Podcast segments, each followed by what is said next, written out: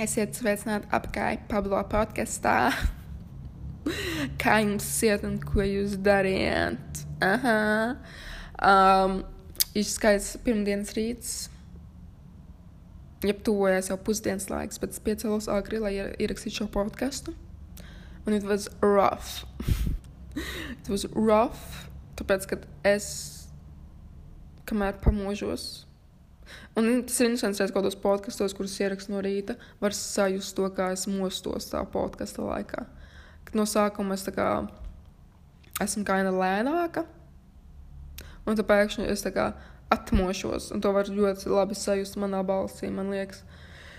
Un, uh, un šodien, šonadēļ, mēs runājām par lietām, pasaules jaunumiem, tā kā ziņu segments Bet es, nes, nu, es pastāstu ziņas, un es pastāstu, kāpēc tas ir svarīgi tagad, šīs lietas, un kāpēc mums vajadzētu tam sekot līdzi. Arī tās notiek otrā pasaules malā. Un tad otrā fāze podkasta, otrā pusē par sapņiem, un es runāju par paralīzes sapņiem, par miega paralīzi, bet arī par saviem kosmiskajiem sapņiem. Um, jā, par šo mēs, mēs runājam šodien. šodien. Un uh, es nomainīju savam podkastam to description, kurus probably mainīšu vēl daudzas reizes. Bet pašlaik tur ir rakstīts, kā runāja par nopietnu, nenopietnu un nenopietnu, nopietnu kaut kas tāds. Un es nezinu vispār, par ko šis podkāsts ir visā visumā. Bet um, to būtu interesanti dzirdēt, ko cilvēki no malas uh, uh, dzird un domā. Jo man pašai grūti pateikt, par ko šis podkāsts ir kopumā. Bet uh, pie tā mēs nonāksim vēl. Jo es gribu atļaut tam podkāstam plūst, un tad mēs redzēsim, kur mēs nonāksim ar šo visu, un pie kādiem konklūzijiem es nonākšu. Un, uh, bet es gribu tādu, lai šis podkāsts ir tāds brīvs, lai es varu runāt par jebko. Es negribu šos taisīt tikai par kaut kādu Tur pieņemsim politisko podkāstu, vai tur kaut kādu vēstures podkāstu, vai tur es nezinu. Uh, lifestyle podkāstu. Es gribu vienkārši runāt pie vēlna. Vienalga par ko. Jo šis ir mans šaus. Um, jā. Un, uh, jā. Paldies, par, kad noklausījāties manu intro rentu. Un es ielikšu timestampus descriptionā, un, ja jūs negribat klausīties ziņas, jūs varat pa sapņiem noklausīties. Bet uh, klausieties abas daļas.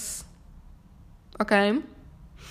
Un uh, descriptionā es ielikšu ar kādus linkus, ar tur, kur es researchoju par tiem paralīzes sapņiem. Un uh, pa kādiem, nu, vispār kaut kāds rakstus un kaut kādas organizācijas, un, uh, kur var noziedot vai kur var parakstīties, vai kādiem cilvēkiem sekot un visādus linkus salikšu, cik es varu ielikt, tur arī ielikšu. So jūs varat apskatīt arī tos. Es uzvedos savādi šodien, vēl savādāk nekā parasti, bet you know what? Nu, 2020 ir iemācījis tā kā, tā kā uh, nebaidīties būt, kas tu esi, tāpēc, ka, hei, laik, mēs nezinām, cik daudz laika mums ir palicis. un, uh, un ka nav tas. Um, Tas nav tik nozīmīgi izlikties par to, kas tu nesi, jo tev tas nepalīdzēs nekādā veidā. Tāpēc vienkārši esi, kas tu esi. Un jā, izbaudiet lūdzu šo epizodi. Tātad šogad pasaulē ir notikušas tik daudz lietas, tik daudz pārmaiņu Un kā cilvēki jau ir teikuši, maskas krīt. maskas krīt, bet ne jau sejas maskas, bet personības maskas. Mēs ieraugām cilvēkus un viņu īstās sejas par to, par ko viņi pastāv. Par ko viņi ir pret, to, to mēs šogad, ja mēs to nebijām atklājuši un redzējuši pirms tam, šogad to ieraugam un, un saprotam. Un varbūt paši sevi saprotam, kas mums, par ko mēs pastāvam šajā pasaulē un par ko nē. Un kas mums patiešām ir svarīgi un vai mēs esam vispār tik labi cilvēki, kā mums, kā mums likās, vai mums pašiem vēl ir jāpiestrādā pie tā. Tātad Polija tagad pastiprina abortu aizliegumus, un tagad abortu var veikt tikai, ja tas ir nopietns draudz sievietes vai cilvēku veselībai. Un ar veselību gan jau tiek domāts nāve vai reproduktīvās sistēmas bojājumi. Vai var veikt abortu, ja cilvēks ir bijis izvarots, vai ir noticis incest, jeb kā Google tūkotājs saka, asinskrēks. Bet es domāju, kādiem pierādījumiem jābūt, lai cilvēks pierādītu savu izvarošanu. Jo bieži vien sievietēm netic, īpaši, ja izvarotais viņas dzīves biedrs vai draugs vai tūs cilvēks. Un uh, tur atkal būs sistēmā caurumi, ka viņiem nepietiks pierādījumi, un uh, jo sievietēm bieži vien netic.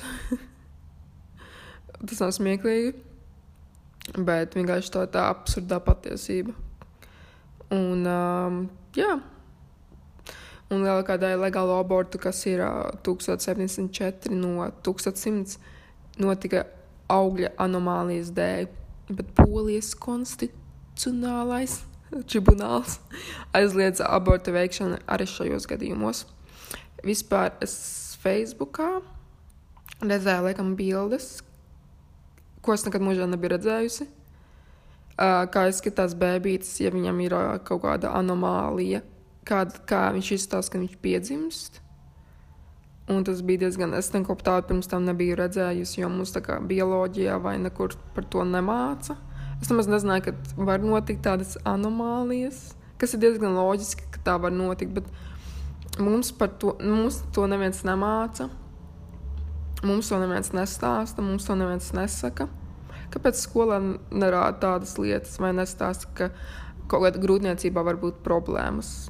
tas būtu tikai normāli, ja mēs tā kā mūs brīdinātu par to, uh, ka ir tāda iespēja. Un, uh, jā, un tagad tas polijas tribunāls aizliedza to. Un tas nozīmē, ka um, arī sievietēm, kurām viņas auglim ir kaut kāda problēma, tad viņai būs jāpiedzemdē tas bērns. Bet visticamāk, tas bērns arī nomirs pēc kāda mēneša, diviem vai trim. Un tas izraisītu vēl lielāku traumu nekā aborts. Jo iedomājieties, tu iznēsā to bērnu deviņus mēnešus, un tu zini, ka tas bērns piedzimis tā kā neveselīgs. Un tad viņš iespējams arī nomirs pēc tā mēneša, vai ātrāk jau pēc piedzimšanas. Un tā ir vēl lielāka trauma nekā kā, kaut kāds aborts. un uh, arī, ja cilvēki ir pro-life, tad uh, ja nav tas bērns piedzimis, viņam ir mocības to mēnesi, un viņš no, nomirs. Kā, kas tajā ir pro-life šajā situācijā?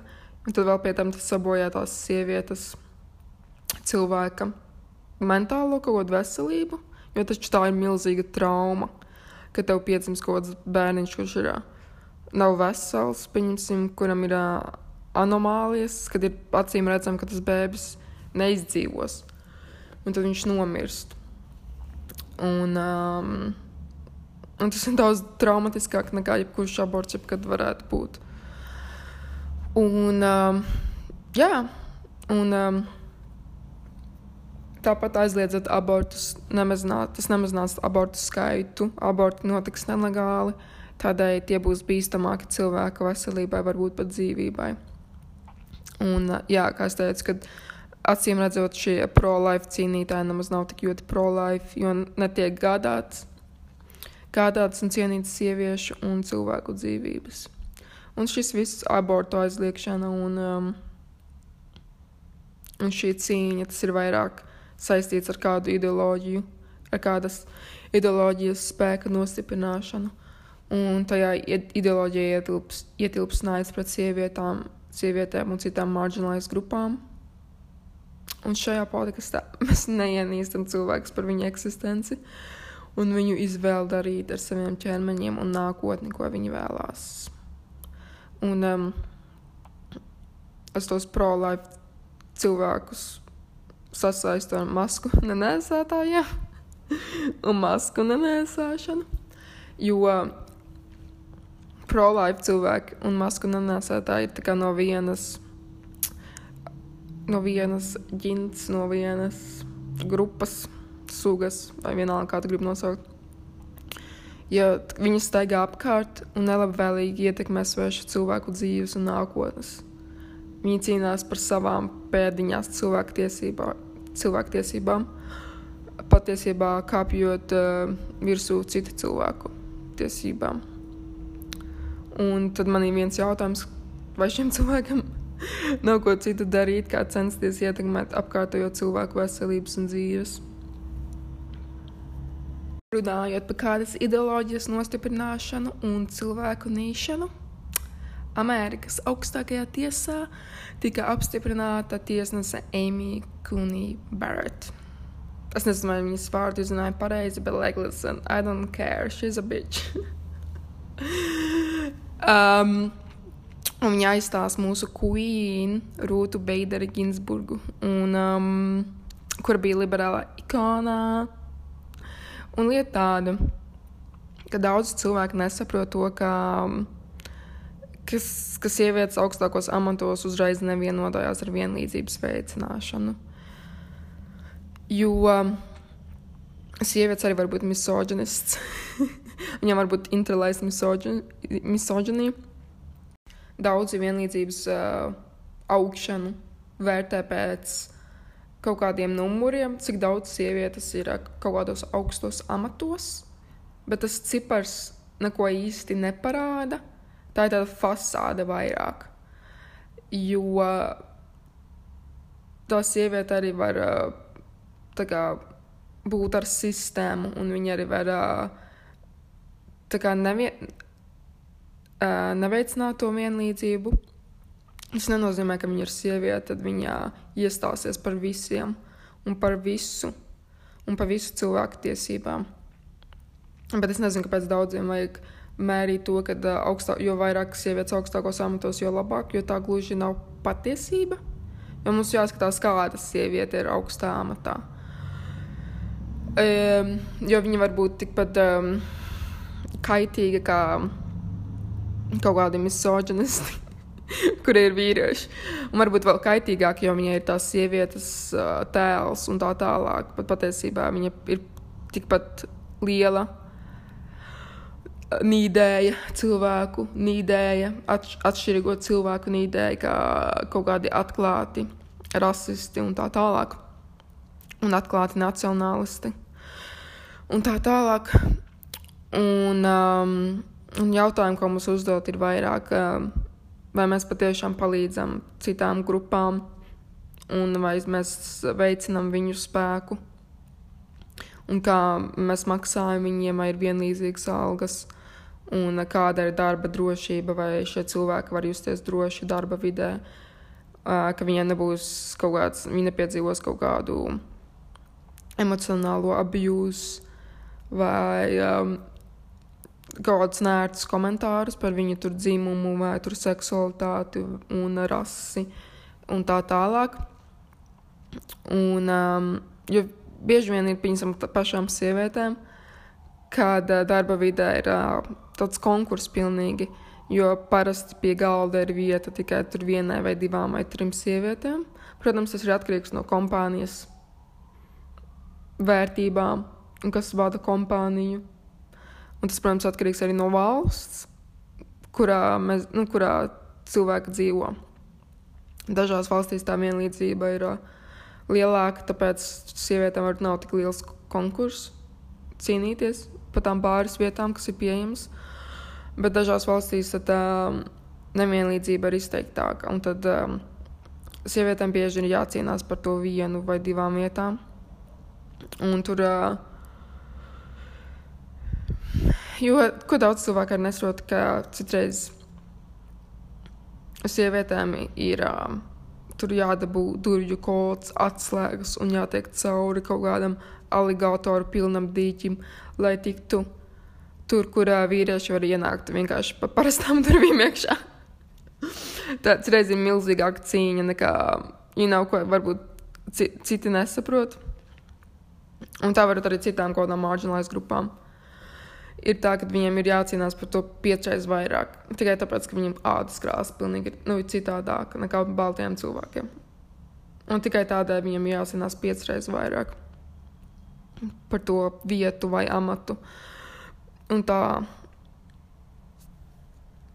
es skatījos Roberta Sapolski lekcijas YouTube. Un, uh, viņš ir vai bija Stanfordas Universitātes profesors. Un, uh, viņš runāja par vienu pētījumu no 80 gadiem. Es ceru, ka varēšu atrast to video un tad ielinkošu descriptionā. Un, jā, viņš stāstīja par to pētījumu, un tas pētījums basically bija tāds, ka tie rezultāti noteica, ka puiši ir gudrāki nekā meitenes. Un jautājums, kā viņi to mērīja? Un viņi to mērīja pēc matemātikas testu rezultātiem. Vajadzētu būt precīzi, vai tad ne? Uh, tā gluži nav. Jo lieta ir tā, ka uh, testa rezultāts neatspoguļo tikai cik inteliģents tu esi vai akadēmiski spējīgs tu esi, bet tas arī atspoguļo, kā pret tevi izturās klasē un kā pret tevi izturās skolotāji un tavi mentori, cik lielu atbalstu viņi tev dod. Un bieži vien uh, skolotāju priekšmetos, kā matemātika, fizika un ķīmija, uh, vairāk atbalsta puikas, nevis meitenes, jo tie taču nav meiteņu priekšmeti. Un uh, Latvijā man liekas, tas ir ļoti atšķirīgi. Man liekas, ka Latvijā bieži vien meitenes tiek uzskatītas kā gudrākām. Tas ir atkarīgs gan no klases, un no skolotāja arī. Un tas atkarīgs ļoti no valsts. Ir. Jo um, šis pētījums tika veikts Amerikā, bet pēc tam šo veid, pētījumu veids pa visu pasauli. Un ko Īslandē atšķirīgāk rezultāti pilnīgi nekā Amerikā, jo Īslandē izturās citādi pret meitenēm. Un meitenēm bija augstāka matemātikas rezultāti ne, nekā puišiem. Jo iespējams viņas bija pat vairāk iedrošināts Īslandē. Šeit nav jautājums, kā, kurš dzimums ir gudrāks vai spējīgāks. Šeit ir kā, vairāk jādomā, kā mēs izturamies pret bērniem, un vai mēs pārāk nenošķiram dzimumus. Jo, protams, katrs cilvēks var izvēlēties audzināt savu bērnu kā grib, Uh, bet mums nevajadzētu kā, stāstīt bērniem to, ka, oh, puiši ir gudrāki un labāki tur matemātikā un zinātnēs, un tur meitenes, lai mācās valodas un uh, mācās tādas lietas, tā kā ikā pēdiņās vieglākas. Ka mums vajadzētu bērnus atbalstīt vienlīdzīgi klasēs un skolā, Un uh, nestāstīt to, ka, lai, piņasim, lai meitenes nesatraucās par matemātiku, jo nu, tas ir vairāk puišiem domāts, lai meitenes tur jā, nes, nesatraucās to, ka fizikā viņam četrnieki, jo fizika taču puišu priekšmets. Un tā tālāk mums tā kā nevajadzētu to kā, šķirot kaut kādas noteiktas zinātnes un noteiktas priekšmetus uh, pat dzimumiem, jo tas ir galīgi garām ja mēs atbalstītu bērnus vienlīdzīgi, tad uh, rezultāti skolās būtu pavisam citādi. Un, uh, jā, un tagad arī ļoti daudz, piemēram, Latvijā ir veci skolotāji, kuriem vienkārši ir tāda domāšana, arī saglabājusies no veciem laikiem, ka, ka meitenes tur ir uh, labākas vienā priekšmetā un sliktākas citā priekšmetā. Tas ir atkal atkarīgs no skolotāja kas ir diezgan sūdīgi. Tur vajadzētu kaut kādu protokolu ieviest, ka tā kā nevajadzētu salīdzināt dzīmumus, bet vai, kad vajadzētu varbūt atbalstīt un varbūt arī censties palīdzēt. Jā, censties palīdzēt tiem, kuriem varbūt kaut kā sliktāk veicās un atbalstīt viņus vairāk arī. Es pagājušajā nedēļā noskatījos uh, debatas, Joe Bidena un Donalda Trumpa debatas. Un viena no lietām, ko es nodomāju, ir tas, ka tie You know, Amerika ir lielos sūdos, bet es tagad pēc tam debatēm nodomāju, ka viņi ir vēl lielākos sūdos. Es ceru, ka I'm wrong, bet uh, skatoties tās debatas, tā kā es sapratu to, ka viduvējais amerikānis pēc tam neies Instagramā un nepārbaudīs faktus. Uh, kaut kādi tieņi un jaunāki cilvēki ies Instagramā, viņi redzēs, ka kāds cits ir faktu čekojuši, čekojuši viņu vietā un redzēs tos melus, ko tur stāsta tajās debatēs reiz. Bet kāds viduvējs amerikānis neies Instagramā pēc debatēm un tur neskatīsies faktus. Un uh, viņi, uh, nu, viduvēj, viduvējais cilvēks nesaprot to dezinformācijas konceptu vispār. Un uh, viņš izvēlēsies to kandidātu, kandidātu, kurš izskatās pašpārliecinātāks, kurš neturās pretī. Un, uh, jā, tajās debatēs Baidens nepalīdzēja pavisam. Un no ko, nu, ko mēs varam sagaidīt no viņa? Jo viņš nav nekāds zelta gabaliņš arī. Bet kā mūsu queen, Aleksandrija Kasio Kortesa teica, ka šīs vēlēšanas nav par to, vai tu piekrīti vai nepiekrīti Baidenam, bet tā ir balss, lai atļautu demokrātijai pastāvēt vēl vienu dienu. Varat jūs jautāt, kāpēc es te runāju par Ameriku un Amerikas vēlēšanām? Bet uh, lieta tāda, ka mums ir jāzina, kas notiek pasaulē, kādēļ tas notiek, lai mēs varam izglītot sevi un lai mēs nejautu no, netaisnībām notiks šeit, šajā valstī, Latvijā. Kaut vai te netaisnības notiek vēl joprojām. Pieņemsim, viņi vēl joprojām nevar atbalstīt vienzimumu pāru tiesības, kas ir galīgs bullshit. Tas ir vienkārši bullcraps, un tas arī viss. Un uh, vienmēr es redzu kaut kādos Delfos vai ziņu portālos vai ziņu uh, raidījumos, uh, ka tiek vienmēr kāds jautā, vai sabiedrība tam ir gatava, kam pie vēlna gatava. Viņam jāpieaug un jābeidz čīkstēt un jāatbalsta citi cilvēki. Te nav vai te kaut kāds Jānis no, es nezinu, Jānis no, nezinu, tukuma kaut kāda vai Rolands no Daugavpils ir gatavs tam vai nav gatavs pie vēlna. Kāpēc mums vajadzētu jautāt, vai kaut, kaut kāda noteikta sabiedrības grupa ir gatava, kad vienzimumu pāriem ir tiesības?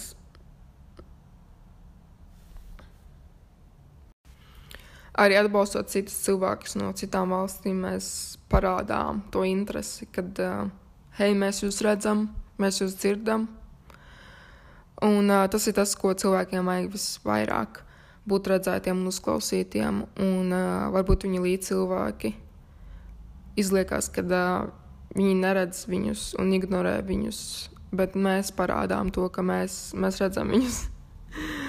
un uh, tas palīdz citu cilvēku cīņai. Un uh, parāda to, ka viņu cīņa ir tā vērta.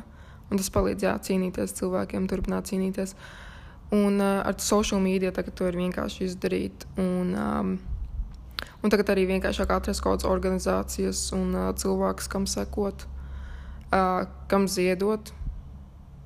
Un uh, ziedot ir forši. Protams, tev nav jāziedot uh, jebkurai organizācijai vai uh, visām organizācijām, un tev nav tur jāziedo visa savu naudu. Ja tev nav pārāk daudz naudas, tad tu vari pa laikam pāris eiro nosēdēt, un tas jau ir daudz vispār. Un uh, tas jau palīdz kaut kādām mazākām organizācijām, jo īpaši. Un tad pēc tam tu vari nošērot to, un tad kāds cits ieraudzīs no taviem draugiem. Un kāds cits nosītos kaut vai tos pašus pāris eiro, un tas jau būs daudz. Un, um, jā, ziedot ir labi, bet, protams, izvērtē, ko tu gribi atbalstīt pats, kur tu gribi savu naudu ielikt. Un, um, Un nav jājūtās slikti, ja tu negribi kādam ziedot. Piemēram, lielveikalos. ja tu lielveikalos negribi runāt ar uh, ziedotāju prasītājiem, tas ir ok. Tā kā nejūtas slikti par to. Un, uh, jā, galvenais ir atrast to, ko tu gribi atbalstīt un par ko tu gribi iestāties un, un noziedot un tā tālāk. Kaut vai pāris eiro, un tas jau ir daudz.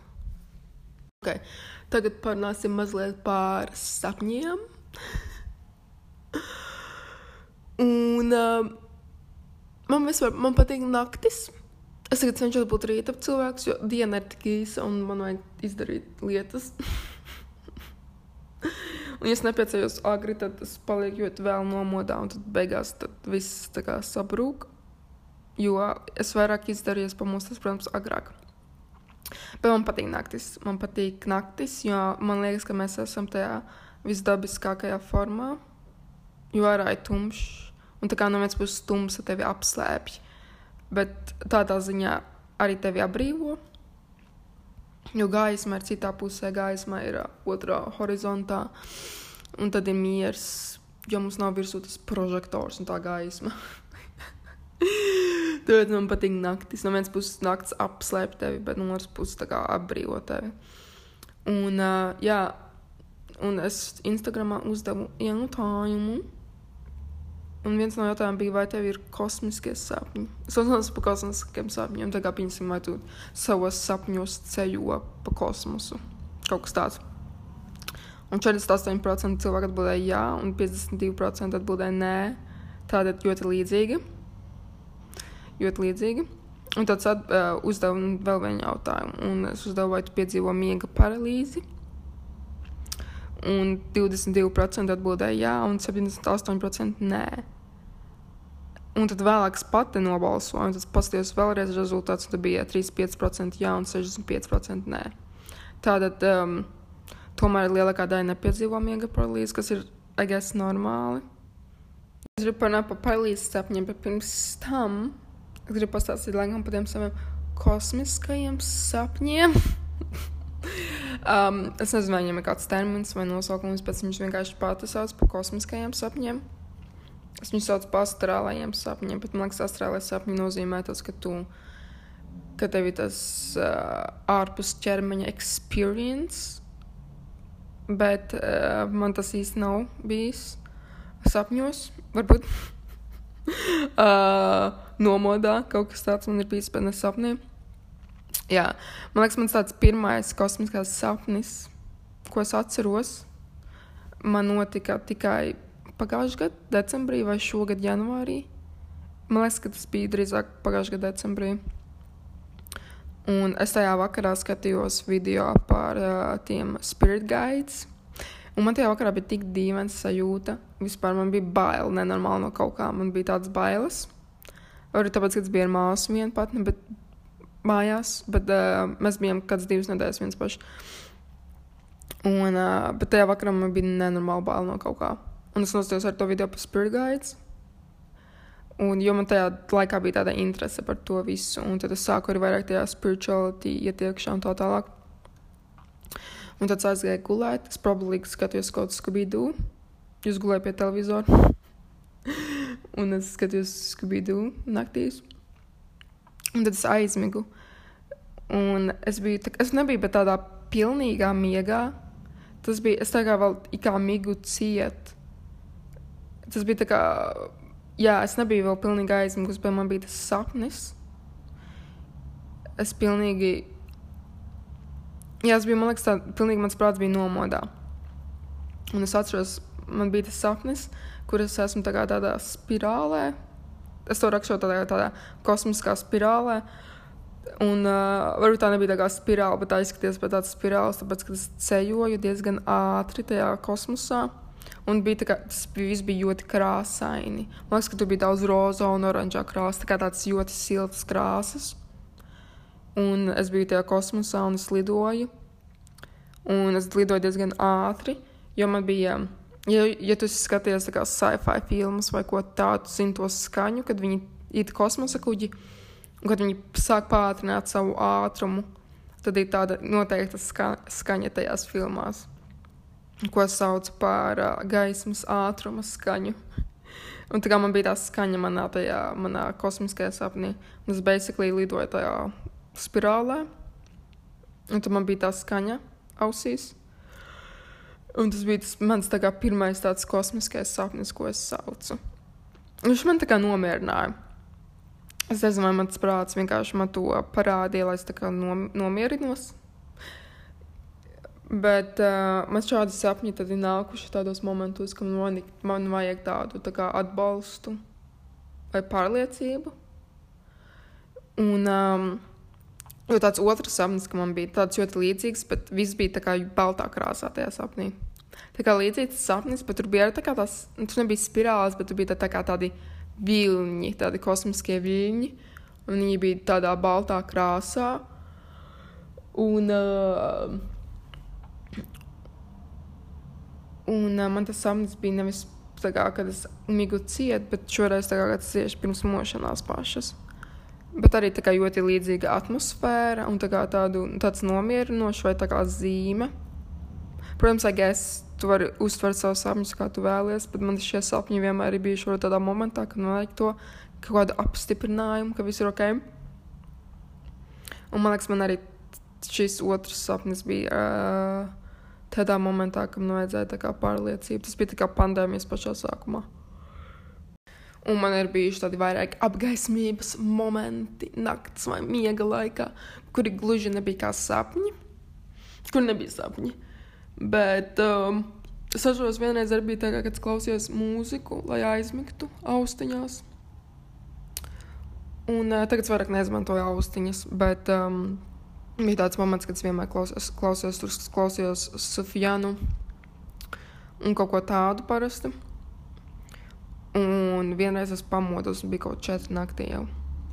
Un es pamodos, un man tā mūzika skan ausīs, un viņa tāda skaļa, bet tādi patīkami skaļa. Um, jā, jā, skaļa, bet tāda ļoti nomierinoša skaļa. Uh, if that makes any sense. Un uh, es tajā momentā vienkārši saprotu, ka, hei, like, es jutos, man liekas, vismierīgākā es jebkad savā dzīvē esmu jutusies. Tā kā viss bez nekāda uztraukuma vispār. Man tā kā, tā kā viss ir ok. Un es aizgāju, pierakstīt pie lapas. Man ir uz sienas tāda lapa, uh, tieši pretī manam matracam, uh, kur es rakstu, kā, ko, ko es mīlu. un es toreiz tajā lapā pierakstīju, ka, kā, hei, atceries, viss ir ok. Šis moments, lai šis moments tev atgādina, ka viss ir ok. Un uh, man ir bijuši tādi vairāki momenti, pārliecības momenti, kad es pamostos vienkārši naktas laikā, vai nu, tas pats ir agri no rīta. Un tādā mierā, tas ir kā tīrs miers. Un es neesmu īpaši mierīgs cilvēks, okay? tāpēc šie momenti ir ļoti nozīmīgi man. Tāpēc, kad es pamostos un sajūtu tā tādu tīru mieru un tādu pārliecību, kā man būtu kaut kāds atbalsts. Es nezinu, no universuma vai no kā. Un tad es saprotu, ka viss ir ok. Un tagad man šie momenti kalpo man kā kaut kāds atgādinājums vai pārliecība, lai tā kā es nesatraucos. Un tā kā lai es daru visu, un tad viss būs ok. Un, uh, jā, es pēdējā laikā sapņus gan nevaru atcerēties, kas man notiek. Bet, kad es atkal sakārtošu savā miega režīmu, tad mēs redzēsim, kas būs un kā būs. Bet, jā. Un tagad parunāšu par paralīzes sapņiem, kas oficiāli laikam saucas kā miega paralīze. Un miega paralīze ir īslaicīga nespēja kustēties, kas rodas tūlīt pēc aizmigšanas vai pirms mošanās.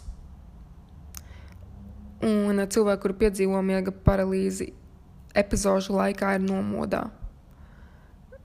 Tātad ķermenis ir tajā paralīzē, bet tavs prāts tā kā mostās un ir aktīvs. Un epizodes ietver halucinācijas un sajūtu, ka smots vai ka kāds tevi smacē. Un uh, miega paralīze ir stāvoklis, kurā notiek īslaicīgs muskuļu kontrols zudums, kas pazīstams ar nosaukumu atonija. Un klausieties, es nezinu, kā to vārdu izrunāt pareizi, tāpēc es teikšu atonija. Atonija. Mēs sauksim to par atoniju. Un uh, Bet lieta tāda, ka mēs visi piedzīvojam šo muskuļu kontrolas zudumu, bet tas notiek REM miegā. REM miega fāzē, kad mēs esam dziļā miegā, ka mēs sapņojam. Un kāpēc mēs piedzīvojam šo muskuļu atslābumu, ir tādēļ, ka, lai mēs kā, nesāktu staigāt apkārt sapņos, vai mēs nespārdītos, vai mēs tā kā nedarītu tās darbības, ko mēs redzam sapņos īstajā dzīvē. Tāpēc mēs visi REM miega fāzes laikā piedzīvojam šo muskuļu atslābumu, kas ir rokās un kājās.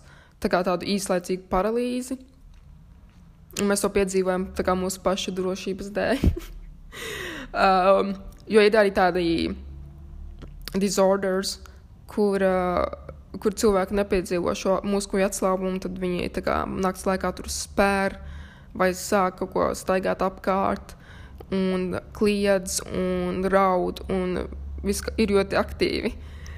Tāpēc, ka viņi nepiedzīvo šo atslābumu, un kā, ar gadiem tas var palikt sliktāk un sliktāk. Tāpēc tas ir ļoti svarīgi, kad mums ir šis muskuļu atslābums, jeb īslaicīga paralīze miega laikā. Kas izklausās kaina crazy, ka mēs jūtam kā paralizēti miega laikā. Un uh, es nemaz to nezināju. Bet uh, tas ir loģiski, runājot par miega par paralīzi, jo tad sanāk, ja tu piedzīvo miega paralīzi Um, vienīgā atšķirība starp um, tevi un cilvēku, kuram nav miega paralīze, ir tas, ka tu esi nomodā tajā laikā, kad tavi muskuļi ir atslābuši. Jo parasti, kad um, mums guļot atslābst muskuļi, mēs esam dziļā miegā, un uh, mēs neesam tā kā īsti conscious, jo mēs guļam, un mūsu smadzenes sapņo. Un uh, mēs nejūtam, protams, ka, mūsu, ka mēs nevaram pakustēties, jo mēs, esam, mēs guļam. Bet, ja tu piedzīvo miega paralīzi, tad tavas smadzenes kaut kādā veidā atmostās tajā momentā, kad, uh, kad tu esi tajā paralīzē.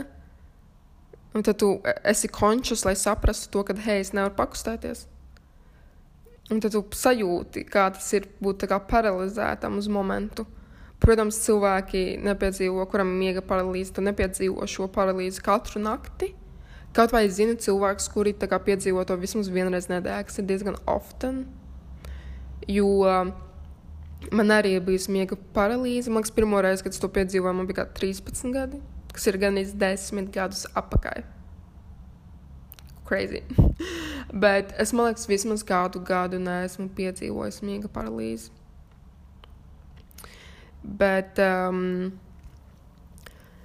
es nezinu, kādu iemeslu dēļ, jo es arī skatījos to, ko saka zinātnieki par to. Un, protams, nav atrasts kaut kāds viens iemesls vai kaut kāds noteikts iemesls, kāpēc cilvēki vispār piedzīvo to miega paralīzi. Bet uh, cilvēkiem, kuriem ir uh, tā obstruktīvā miega apnoja, atkal kādi sarežģīti termini, obstruktīvā miega apnoja. Tas ir, kad tev ir kaut kāda pārtraukta elpošana miega laikā. Uh, tad tiem cilvēkiem arī ir lielāka iespējamība piedzīvot miega paralīzi. Un arī, ja cilvēkam ir kaut kāda kājas krampji, krampji tad arī ir lielāka iespēja, kad viņam būs kaut kāda miega paralīze. Un arī cilvēkiem ar insomnijas problēmām, un kuriem ir miegainība dienas laikā, arī ir tā kā lielāka iespēja. Um, un arī, pieņemsim, ja tas ir jetlagged un daudz ceļo, kaut vai hashtag neviens in 2020, jo mēs nedrīkstam tā ceļot. um, un cilvēki ar mājas darbu, uh, īpaši, nak, nu, ja mājas ir naktī, tad viņam arī lielāka iespēja piedzīvot to miega paralīzi. Jo tas, laikam, sanāk, ka tev kaut kāds lielāks stress ķermenim un tā kā mazāka tāda struktūra. Tad tev arī, laikam, ir lielāka iespējamība piedzīvot to paralīzi. Un, protams, ja cilvēkam kaut kāds anxiety un panika un PTSD, vai ja ir piedzīvots kaut kāds abuse dzīves laikā, vai distress, tad, um, distress, un tad arī ir lielāka iespēja, ka viņam būs tā miega paralīze. Tā kā ir tādi, um, ir tādi kā visādi tidbiti, kāpēc cilvēkiem ir miega paralīze, bet nav nekas kā, vienojošs īsti. Tas varbūt vienīgi ši, šajās visās lietās ir tas, ka varbūt nav kāda struktūra cilvēka rutīnā un ir kaut kāds stress un anxiety un panika vai PTSD. Um, Un tāpēc cilvēks piedzīvo miega paralīzi, bet nav nekas tāds varbūt ļoti konkurēts, kāpēc cilvēkiem, cilvēkiem tas ir. Jo tas nav īsti loģiski savā ziņā. Tāpēc, ka tev jābūt, ka tev, tu esi tajā paralīzē, tev jābūt tādā dziļākā miegā. Un tāpēc daudz cilvēku nezina, kad mēs esam kinda paralizēti REM miega laikā. tāpēc, kad viņi guļ un viņi to nepiedzīvo. Um, Bet mēs cilvēki ar miega paralīzi esam to piedzīvojuši, to sajūtu, kā, kā ir, ka tu esi paralizēts pilnīgi.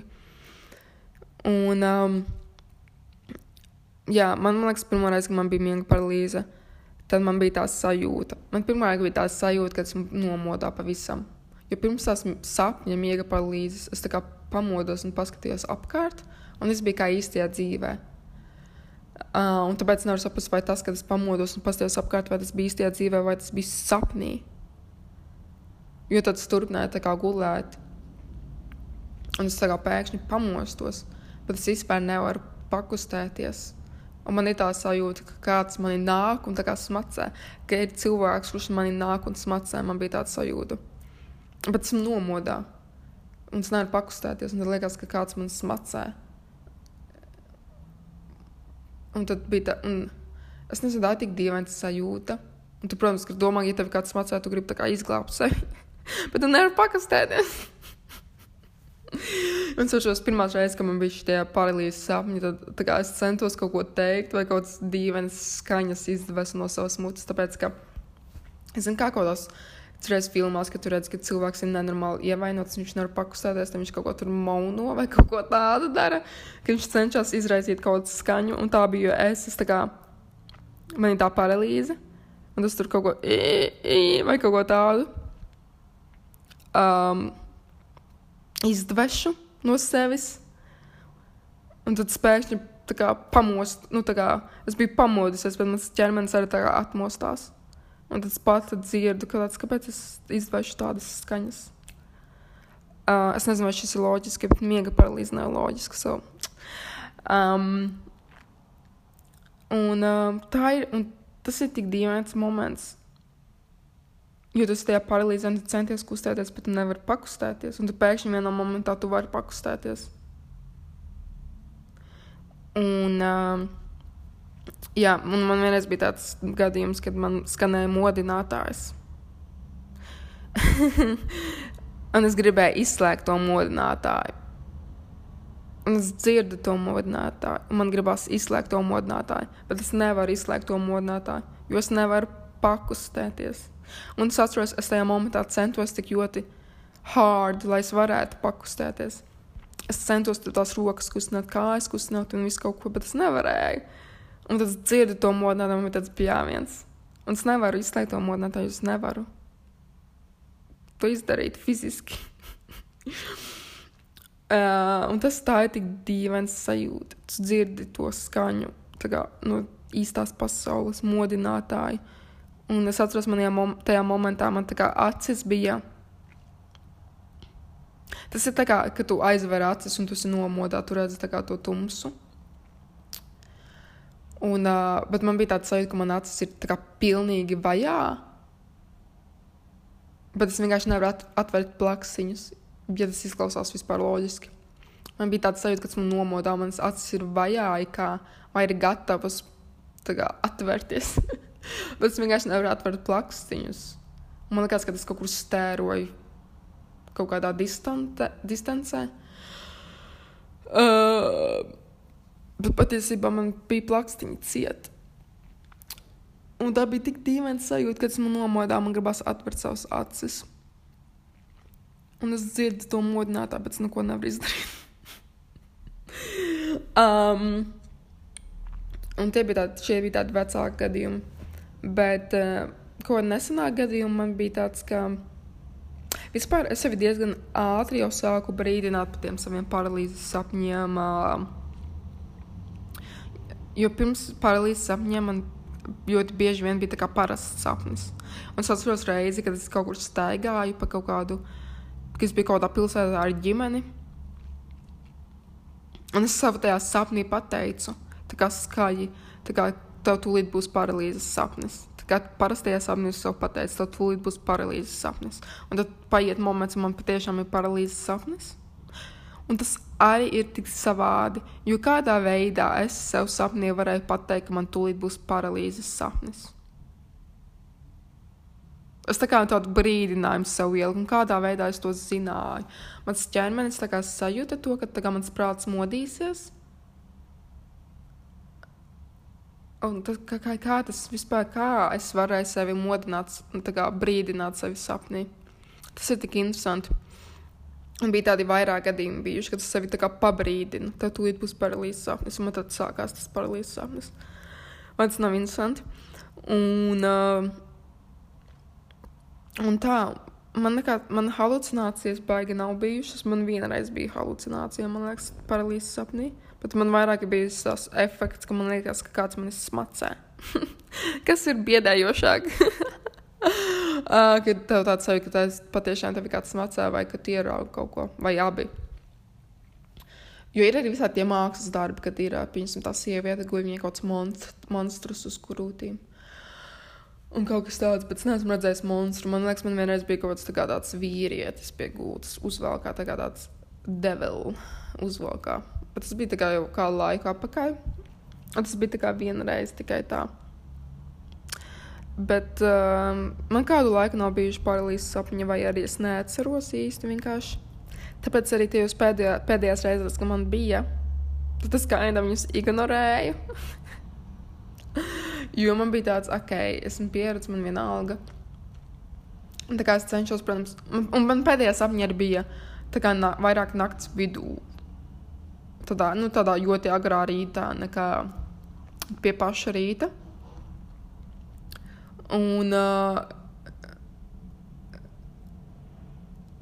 un jā, es viņus tā kā, tā kā nepievērsu pārāk lielu uzmanību, jo man tā, tā kā es pamodos un man tā kā es sapratu, ka tas tikai miega paralīze. Un tā centos to shake it off, un tad turpināju vienkārši gulēt. Un tāpēc es pat pēdējās reizes beigi nepievērstu tam uzmanību. Bet man bija tāds, ah, atkal tā kā miega paralīze, tā kā sajūtu to diskomfortu, kad kā ir, ka tu nevari pakustēties un tu gribi kustēties. Vai arī pēdējais reizes esmu vienkārši centusies kustināt ķermeni. Jo man liekas, man ir bijuši arī tāds reizes, kad es tā kā sajūtu, ka lai, es tā kā miegu cietu un sev sajūtu, ka mans ķermenis tā kā muskuļi atslābst. Un kad nevarēšu pakustēties, bet es vēl joprojām esmu tā tādā nomodā. Un tad es cenšos pakratīt sevi. Un, um, jo tas tā kā nav ok, kad uh, ka tu neesi tajā dzīvajā miega fāzē, un ka tu piedzīvo to atslābumu, to tādu to sajūtu, ka tu nevari pakustēties, to uh, īslaicīgo paralīzi, ka tu, jau, ka tu vēl esi nomodā vai pa pusē nomodā. Jo tam vajadzētu tikai notikt, kad tu esi dziļā miegā. Un, uh, tāpēc miega paralīze nav īsti normāla, bet no otras puses nav nekādi pierādījumi, ka viņa var izdarīt kaut ko sliktu. Miega paralīze paša savā ziņā nav bīstama. Tas, protams, atkarīgs no tā veida, cik uh, intensa tā ir viņa. Jo ir cilvēki, kuriem varbūt ir uh, lielākas halucinācijas, un tā pieredze ir uh, bailīgāka nekā, pieņemsim, man. Un es atceros, man arī bijušas bailīgas reizes. Un tas nevar iedomāties, kā ir cilvēkiem, kad viņi redz visu kaut ko, vai viņiem patiešām tāds sajūta, ka viņiem rītīgi viņus smacē vai kaut kas tāds un ka tās halucinācijas ir sajauktas ar to smacēšanu. Tas ir patiešām gan jau ļoti biedējoši.